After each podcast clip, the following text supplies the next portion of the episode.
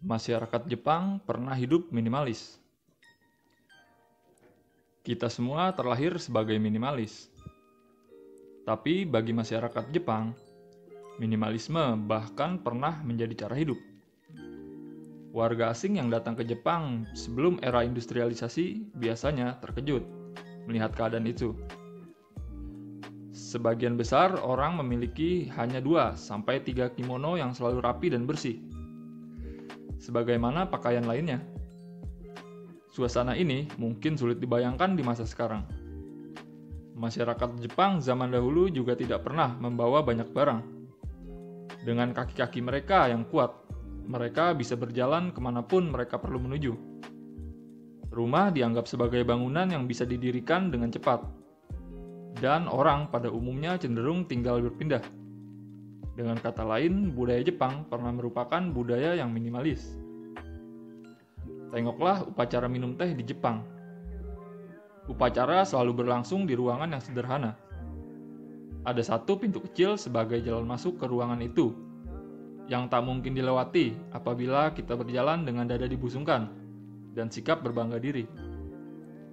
Para samurai jagoan pada zaman itu pun tidak diperbolehkan membawa pedangnya ke ruang upacara baik dulu maupun sekarang, tak peduli siapa kita, orang penting atau kaya ataupun miskin, ruangan itu ada untuk mereka yang ingin menikmati secangkir teh dan bertukar pikiran. Ketika minimalisme diimpor kembali ke Jepang, Apple, sebuah perusahaan Amerika, punya kaitan yang menarik dengan budaya minimalisme Jepang banyak pengikut minimalisme yang jatuh hati pada produk-produk Apple dan Steve Jobs, pendiri perusahaan itu. Semua produk ciptaan Jobs selalu menghindari kesan berlebihan. Hanya ada satu tombol pada iPhone. Sementara komputer Mac tidak akan merepotkan penggunanya dengan banyak kabel dan steker. Produk Apple juga umumnya tidak disertai panduan penggunaan. Menurut saya, Hal-hal ini mungkin karena Jobs sendiri adalah seorang minimalis. Ia juga dikenal sebagai pengikut Zen Jepang yang mengajarkan minimalisme.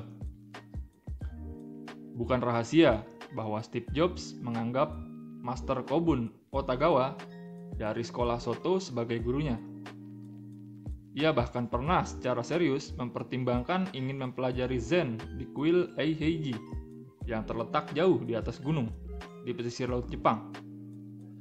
Jobs juga dikenal sebagai sosok yang tak segan, mengeraskan suara jika ada hal yang tidak ia sukai, dan cenderung tidak mau berkompromi.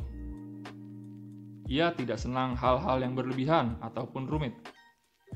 Sangat menarik membayangkan bahwa budaya Jepang bisa jadi merupakan semangat yang mendasari berdirinya perusahaan besar di dunia ini. Hari ini, di Jepang, tingkat kepemilikan iPhone sangat tinggi Artinya, melalui Steve Jobs, budaya minimalisme diimpor kembali ke Jepang. Definisi minimalis. E, bagaimana kita bisa menguraikan apa yang dimaksud dengan seorang minimalis? Seberapa jauh kita harus mengurangi keberadaan barang agar dapat menjadi minimalis? Definisi yang saklek dan pasti tidak mudah dirumuskan tapi menurut saya sendiri, seorang minimalis adalah orang yang tahu persis hal-hal apa saja yang bersifat pokok bagi dirinya, dan yang mengurangi jumlah kepemilikan barang demi memberi ruang bagi hal-hal utama itu. Tidak ada aturan yang pasti. Orang yang masih memiliki TV ataupun lebih dari 100 barang kepemilikan tidak berarti ia bukan minimalis. Sebaliknya, hanya karena kita membuang TV dan barang-barang itu tidak otomatis menjadikan kita minimalis. Bahkan, meskipun semua barang kita bisa dimasukkan ke satu koper, bukan berarti kita sudah menjadi minimalis.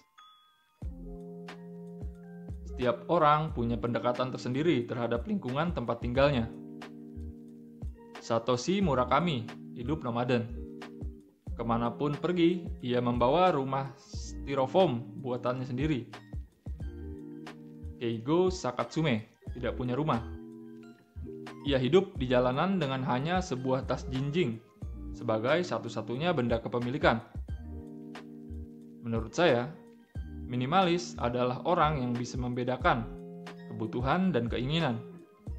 Keinginan karena ingin menampilkan citra tertentu, serta tidak takut mengurangi benda-benda yang termasuk keinginan. Nah, hal-hal yang kita anggap penting pastilah berbeda-beda. Proses mengurangi barang pun tak berlaku sama bagi tiap orang. Dengan demikian, saya berpendapat bahwa tidak ada satu jawaban tunggal untuk mendefinisikan minimalis. Minimalisme bukan tujuan akhir. Mengurangi jumlah barang kepemilikan bukanlah tujuan akhir itu sendiri.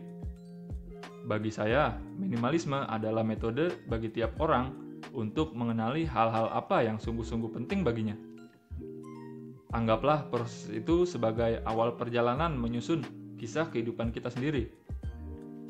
Melalui buku ini, saya ingin menceritakan hal-hal yang kemudian lebih saya sadari berkat menjalani proses mengurangi kepemilikan sebagian besar barang. Saya juga ingin bicara perihal minimalisme di samping benda-benda materi. Di dunia yang sibuk ini, segalanya telah menjadi begitu rumit, sehingga minimalisme yang berawal dari kebendaan telah meluas ke ranah lain.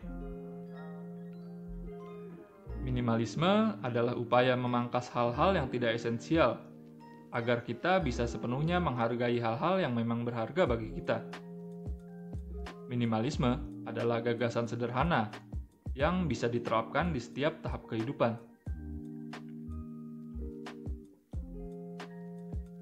Siapakah minimalis sejati?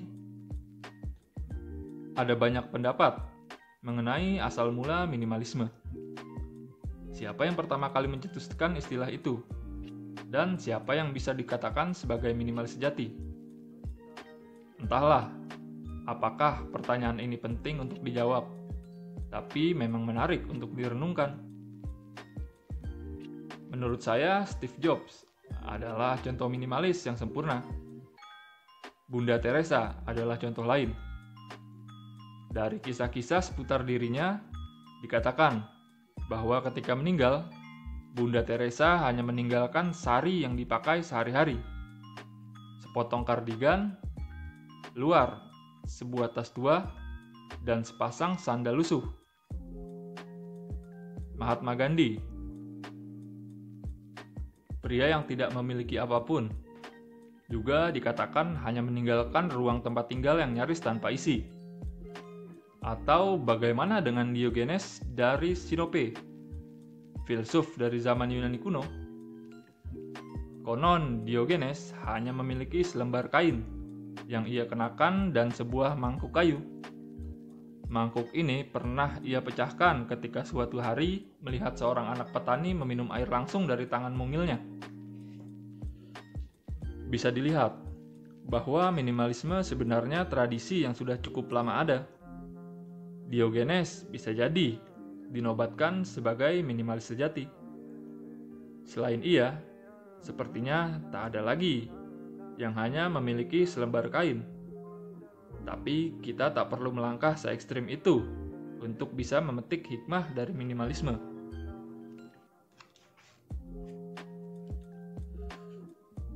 Dan Sari dan kemunculan minimalisme modern. Sekitar tahun 2010, beberapa konsep berikut banyak dibicarakan di Jepang. 1. Dansari seni, membereskan, membuang, dan berpisah dari barang-barang kita. 2. Kehidupan bersahaja. 3. Hidup dan bekerja menyerupai nomad. Buku The Life-Changing Magic of Tie-Dyeing Up karya Marie Kondo diterbitkan pada 2010 dan langsung melejit. Sejak itulah, semakin banyak minimalis bermunculan di Jepang. Menurut saya, hal-hal berikut melatari dan akhirnya ikut memunculkan minimalisme. 1. Peredaran berlebih dari informasi dan benda-benda. 2. Perkembangan teknologi dan jasa yang memungkinkan kita hidup tanpa banyak barang sebagaimana dulu. 3. Gempa bumi besar di Jepang Timur. Saya meyakini bahwa ketiga hal itu adalah faktor kunci yang memicu banyak orang di Jepang menelaah kembali cara hidup mereka selama ini. Mari kita uraikan satu persatu.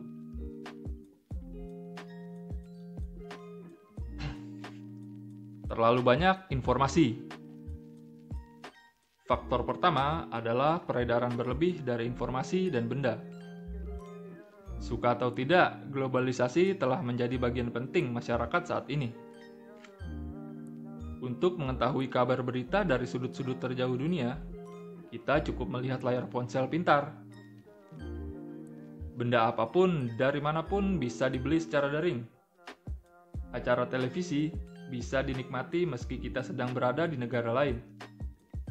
Kita juga bisa mendengarkan siaran radio asing dari rumah.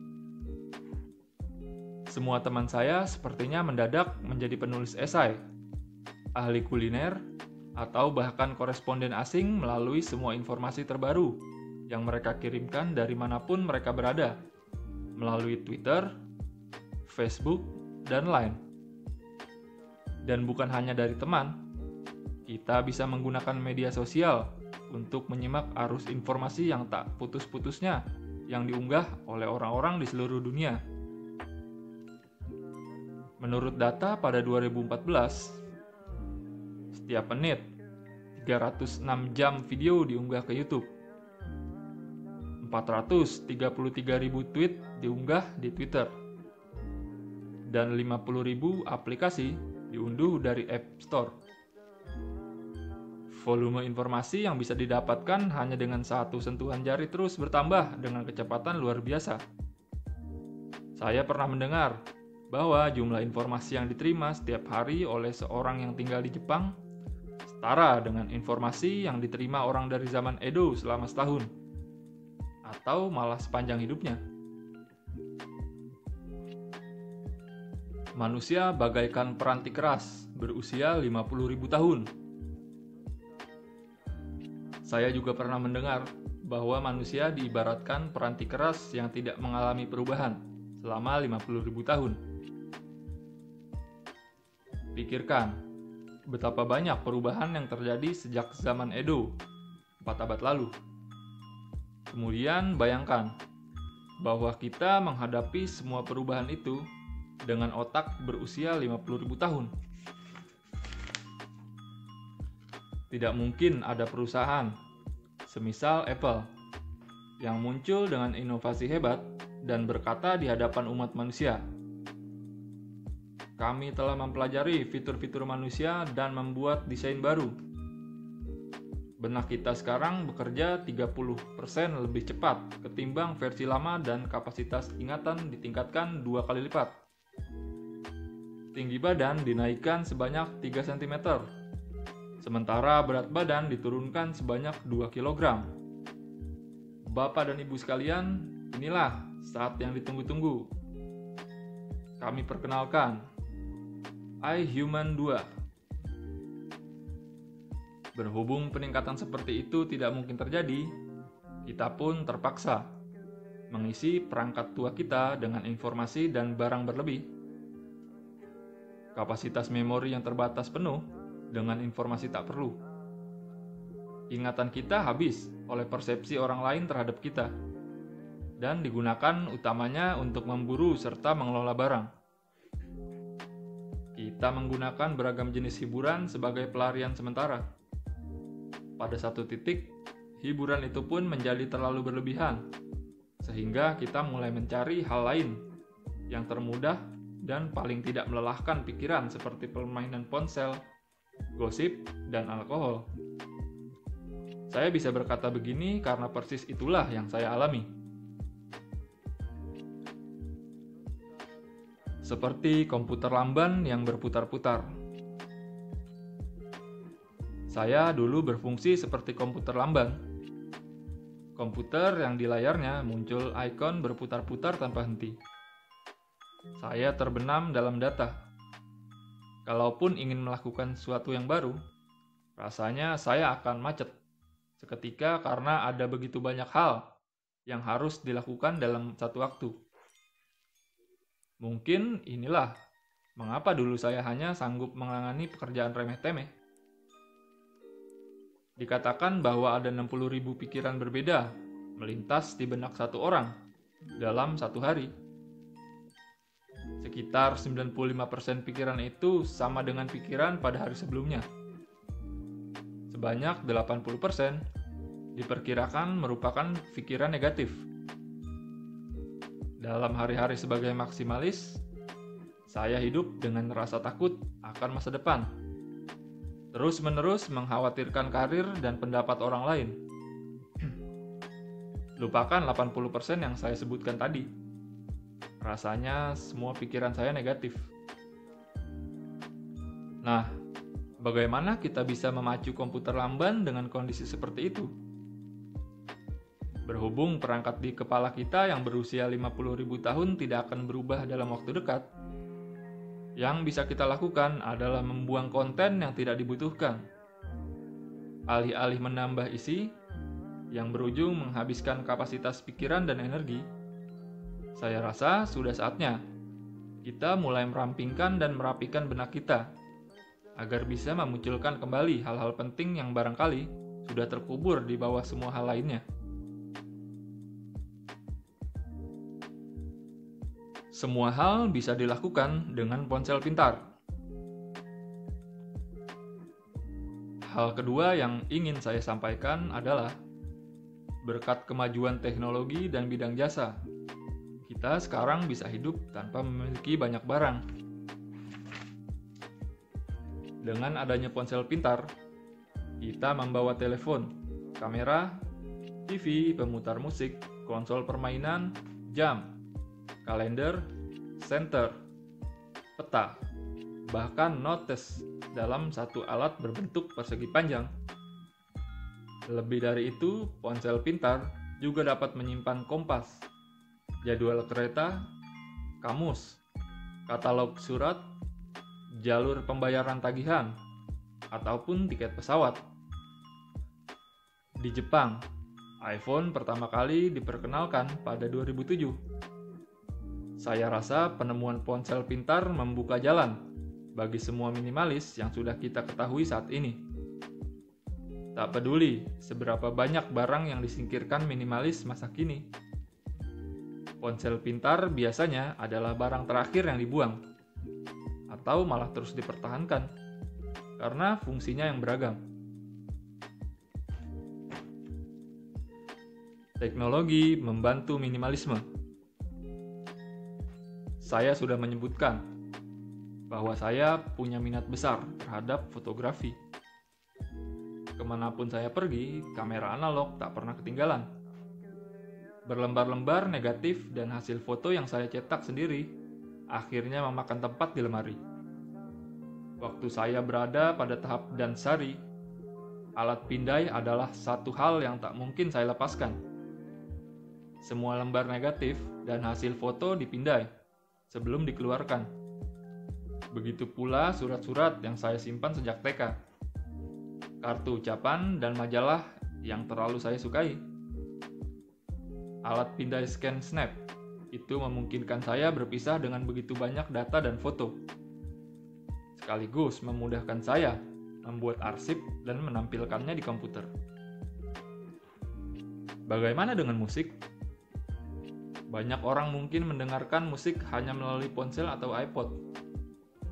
Saya sendiri memiliki MacBook Air yang bisa digunakan untuk menonton film, mendengarkan musik, atau membaca buku. Saya tak lagi memiliki TV, tapi masih bisa mengunjungi situs televisi dan membayar program yang ingin saya tonton. Surel dapat diperiksa di mana saja dengan akun Gmail. Dan saya bisa berada dan saya bisa bekerja dari mana pun dengan cara menyimpan dokumen di sistem penyimpanan berbasis komputasi awan seperti Dropbox. Sambungan Wi-Fi dan Bluetooth memangkas kebutuhan membawa kabel. Sementara rapat bisa dilakukan melalui Skype Dunia yang kita tinggali saat ini amat luar biasa. Di sini, semua bisa bekerja tanpa harus memiliki kantor fisik sama sekali.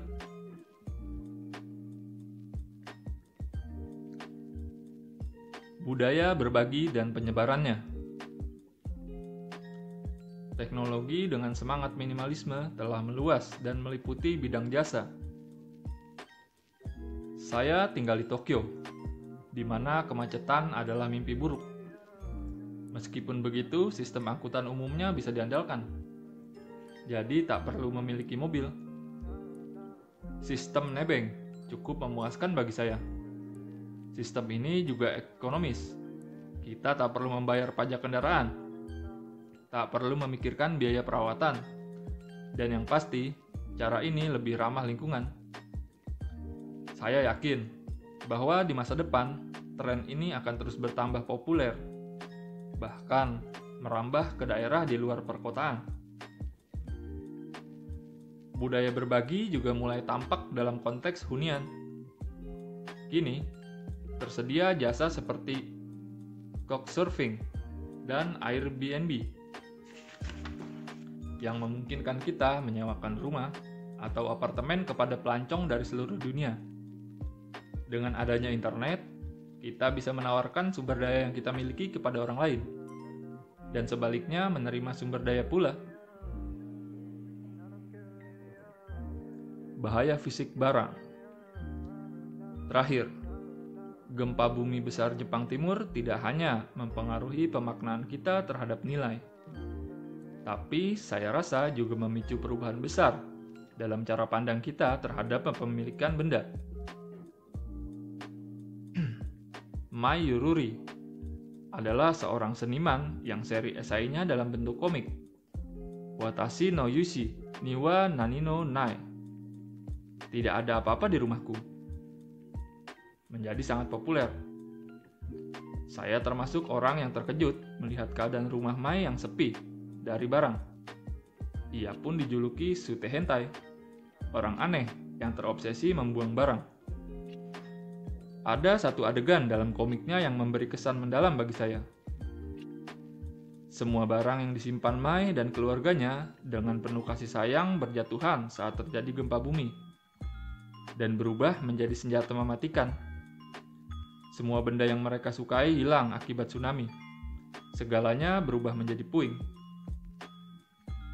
Konon, gempa bumi besar Jepang Timur adalah gempa yang begitu hebat, sehingga diperkirakan hanya terjadi sekali setiap beberapa ribu tahun. Saya pernah mendengar seseorang yang mengabarkan bahwa kehidupan umat manusia dari tahun 0 hingga tahun 2000 setara dengan 20 wanita tua yang hidup hingga usia 100 tahun. Jika gempa itu benar terjadi dalam siklus sekali setiap beberapa ribu tahun, berarti dua dari 20 wanita tua tadi mengalaminya. Apakah rasio itu rendah ataukah tinggi? Mengingat beban informasi yang terus meningkat, kemajuan teknologi, dan frekuensi bencana alam fatal yang terus bertambah, saya jadi bertanya-tanya, apakah gelombang minimalisme dalam tahun-tahun belakangan merupakan fenomena yang tak bisa kita hindari? Minimalisme harus timbul, bukan karena ilham sesaat atau sekedar ingin mengikuti gaya hidup baru, melainkan niat yang tulus dan kebutuhan membara untuk memaknai ulang kehidupan kita.